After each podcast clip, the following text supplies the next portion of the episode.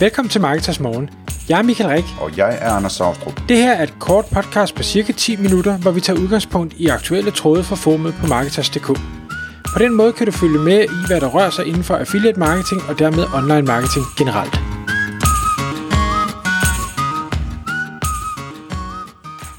Godmorgen Michael. Godmorgen Anders. Så er det igen tid til Marketers Morgen, og i dag der er det øh, kurator Michael, vi har på linjen. Det er vores, øh, vores øh, faste, hvad hedder sådan noget, hedder det ikke kurator på dansk? Jo, jo. Øh, som læser artikler og, og giver os resuméer af dem.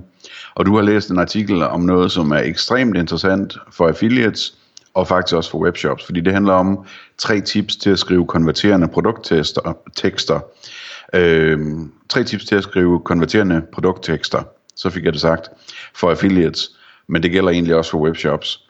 Og det er jeg rigtig spændt på, fordi øh, vi talte den anden dag, Michael, om, om det her med sådan øh, oversete områder og pro-tips til affiliates og sådan noget. Og det er altså en ting, som affiliates ikke øh, sådan helt generelt set gør særlig godt, det der med at skrive tekster, som rent faktisk får folk sådan ind i, et flow, hvor de nærmest sidder og hæpper på sig selv for at få klikket og købt til sidst. Øhm, det tror jeg, at, at der er rigtig, rigtig mange penge i at blive bedre til, så jeg lytter spændt med. Mm.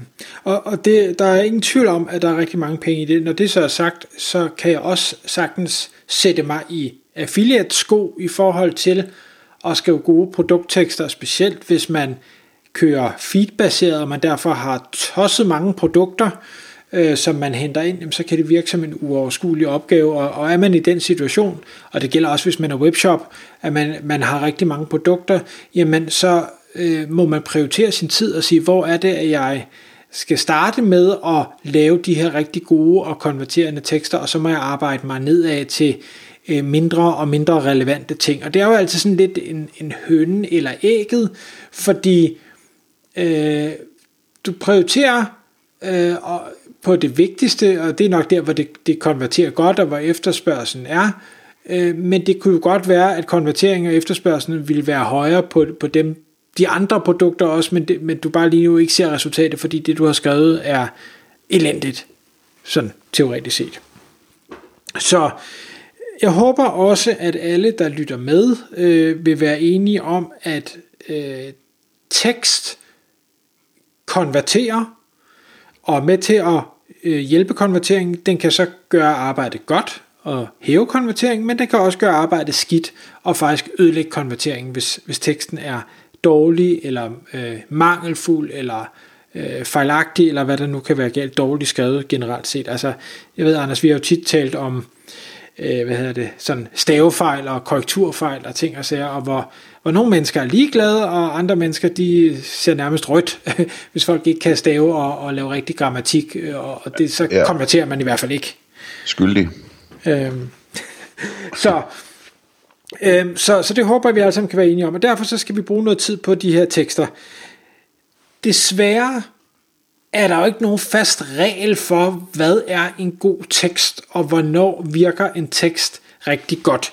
Fordi det afhænger rigtig meget af, hvad er det for en kundegruppe, man har med at gøre, og hvad er det for nogle produkter, man har med at gøre. Der er nogle øh, kunder, hvor du øh, måske skal skrive meget øh, stift, og der er nogle kunder, hvor du måske skal skrive meget øh, hvad hedder det, sådan samtaleagtigt, som om du, du taler med en, en god ven, øh, og, og hvor det så måske grammatisk faktisk bliver lidt, øh, lidt skidt. Øh, Produkterne, jamen nogle produkter har ikke brug for en masse forklaring, andre produkter, jamen der skal du komme med en masse forklaring, og du skal måske vække nogle følelser i folk eller et eller andet, for ligesom at øh, øge konverteringsraten på det pågældende. Det man kan sige, eller det som artiklen siger, øh, det er, jamen jo bedre en beskrivelse du har, øh, jo mere at folk har lyst til at læse det du har skrevet, jo længere bliver de på siden, fordi så læser de det hele, og jo længere tid folk er på et site, jo større er sandsynligheden for, at de konverterer. Det er der heldigvis masser af data, der støtter op om. Derudover, så kan man også sige, at jo flere relevante spørgsmål din tekst besvarer, jo større er sandsynligheden også for en konvertering. Fordi folk, der er i tvivl om ting og har spørgsmål til noget omkring produktet, de er mindre tilbøjelige til at konvertere, indtil at de får svaret på, det, på de her øh, ting, de nu er i tvivl om. Og, og det er jo selvfølgelig svært, fordi hvad er det folk, de er i tvivl om? Det skal man finde ud af, og det er det, man så skal have forklaret på en forståelig måde, så, så alle øh, tænker, jeg har ikke flere spørgsmål, jeg er overbevist nu, ja tak, jeg vil gerne købe. Det artiklen siger generelt set, nu sagde jeg før, at nogle gange skal man skrive i sådan en, en taleform, andre gange skal man måske skrive lidt mere stift, men med artiklen mener, at den bedste kombo, det er, hvis man kan lave tekst, der er øh, benefit driven, og nu tager jeg det på engelsk, for det var det, der stod i artiklen, og conversational, det vil sige, at det er skrevet som om man taler med en god ven, og den øh, lægger vægt på fordelene ved produktet, ikke øh, features ved produktet. Det, det kommer tilbage til lige om et øjeblik. Så, det var en lang opstart, men punkt nummer et, som de siger, virker rigtig godt, det er, hvis du kan øh, sammenligne læseren med produktet via enten ligheder eller metaforer. Øh, de har et, et eksempel, hvor de øh, tager, det, det er sådan nogle to øh, hvad hedder det, kaffekrus, der har ansigter på, og når man stiller de her to kaffekrus op af hinanden, øh, så, så kan de ligesom sidde sammen. Altså, jeg ved ikke, vi kan kalde det venskabskopper, eller et eller andet i den stil. Og der, der, øh, den, der så har skrevet teksten til det produkt, de bruger netop beskrivelsen som, at de her kopper, det er øh, fuldstændig ligesom dig og din bedste ven -agtigt. Så de prøver at male et billede øh, af, du ved, dig er din bedste ven, du ved godt, hvilke bånd I har, jamen det er lidt det samme med de her kopper.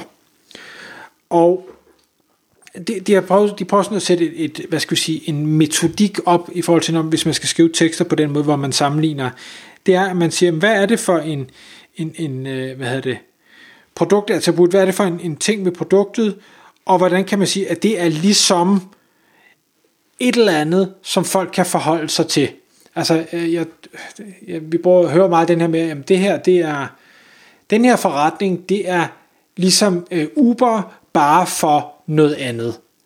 Øhm, så, så man prøver at male nogle, nogle øh, billeder, referere til nogle ting, sammenligne med noget, som folk ved, hvad er, og forhåbentlig har en positiv opfattelse af, øh, noget som de kender fra deres dagligdag, øh, og, og så, ja, jeg ved ikke rigtig, hvordan jeg kan forklare det anderledes det. Jeg håber, det giver mening, og så må du lige sige til Anders. Jeg tror, det giver fin mening. Okay. Så vil jeg prøve at lade den ligge. Øh, det er i hvert fald, den er rigtig spændende at arbejde med, hvis man kan det. To, punkt nummer to, øh, det er, at man, øh, når man skriver, så skriver man direkte til læseren. Og det håber jeg, at mange allerede gør i dag, men altså vil jeg anbefale, at man begynder at gøre det. Og det er ved at, øh, ligesom når du taler med en, en øh, ven, jamen så siger du dig og din og du og sådan noget. Så, så du taler til den her specifikke person, øh, der er derude. Fordi når, så vil læseren føle, aha, den her hjemmeside og den her tekst omkring produktet henvender sig lige præcis til mig. De, vi ved jo alle sammen godt, at alle kan sidde og læse det, så selvfølgelig er den ikke skrevet lige præcis til mig, men jeg får stadig følelsen, fordi man bruger de ord med dig og din og sådan noget. Et eksempel øh, på øh, to øh, tekster eller sætninger, der kan stå på en, en, øh, et produkt, det er, hvis man forestiller sig, den ene tekst, den gode af dem er, øh, du kan bestemme teksten på din personlige hilsen. Der taler man til personen. Den her tekst kunne også have hed, bestemt teksten på hilsenen. Og der er pointen, jamen bestemt teksten på hilsen adresserer ikke mig. Det er sådan mere en, Nå ja, det er rigtigt, at jeg skal bestemme teksten på, på hilsen, men jeg føler ikke, at du personligt forklarer mig, at det er mig, der kan gøre noget, og det er min personlige hilsen, øh, der bliver lavet her. Vi vil gerne føle, at produktet er for os. Så altid brug øh, dig og din øh, og sådan noget, og specielt om de positive ting. Hvis man kritiserer, øh, så skal man som ikke sige dig og din, så er det heller mand eller de andre, der er noget galt med, og så må læseren sig selv forholde sig til, om, øh, om, om det rammer dem også. Øh, og det gør det som regel ikke, selvom de nok falder inden for målgruppen. Så tal til læseren, punkt nummer to. Punkt nummer tre, det er det her med øh, øh, features versus øh, benefits, altså øh, det hedder vel features på dansk også, øh, i forhold til, til fordele. Og den oplever jeg ofte er rigtig svær, øh, og det, det skal jeg gerne sige for mig selv, det synes jeg også den er.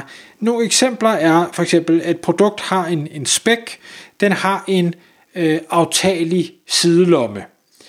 Det man så kan gøre for at finde ud af, hvad er fordelen ved, at der er en aftagelig sidelomme, det er, at man kan, kan bruge sådan en, en so what. Altså, hvad, så hvad, hvad betyder det, at øh, den har en aftagelig sidelomme? Jamen, det betyder for eksempel, at øh, hvis, hvis din, en rygsæk har en aftagelig sidelomme, og i den her sidelomme, der ligger dine personlige ejendele, jamen så kan du altid have dine ejendele øh, tæt på dig. Så når man skriver teksten, så er det, at den her rygsæk, den har en aftagelig sidelomme, så du altid kan have dine ejendele tæt på dig. Det er ligesom fordelen ved, at den er aftagelig. Det kunne også være et produkt, der var lavet i øh, polyester, så kan man sige, jamen okay, materiale polyester, det er fint. Hvad er fordelen ved det? Jamen det kan være, at polyester beskytter mod øh, mug. Det kan være, at polyester ikke bliver afbladet af solen. Det kan være, at polyester er nemt at holde rent. Eller et eller andet. Der er nogle fordele ved polyester. Sørg for at få skrevet det ned. Og den sidste, så skal I få lov at slippe for det. Det kunne være, at man sælger stole. Der kunne stå på en stol, den her stol, den har en øh, justerbar ryg. Så kan man sige, okay, det er da meget fedt, den har en justerbar ryg, men hvad er hvad er fordelen ved det? Jamen det er, at du kan finde den perfekte vinkel, der, altså du kan finde den perfekte vinkel, der gør din sidestilling behagelig og optimal for din ryg. Aha, jamen vi vil alle sammen gerne have en, en øh, perfekt øh, eller behagelig sidestilling, der er optimal for ryggen, så ryggen ikke bliver belastet. Og det afkoder vi ikke nødvendigvis selv ud af, at der bare står justerbar ryg. Så det var tre tip til at skrive bedre konverterende produkttekster. Det kræver noget øvelse, men jeg tror, at når først man kommer ind i det, så er det ikke sværere end som så. Tak fordi du lyttede med. Vi ville elske at få et ærligt review på iTunes. Hvis du skriver dig op til vores nyhedsbrev på marketers.dk-morgen, får du besked om nye udsendelser i din indbakke.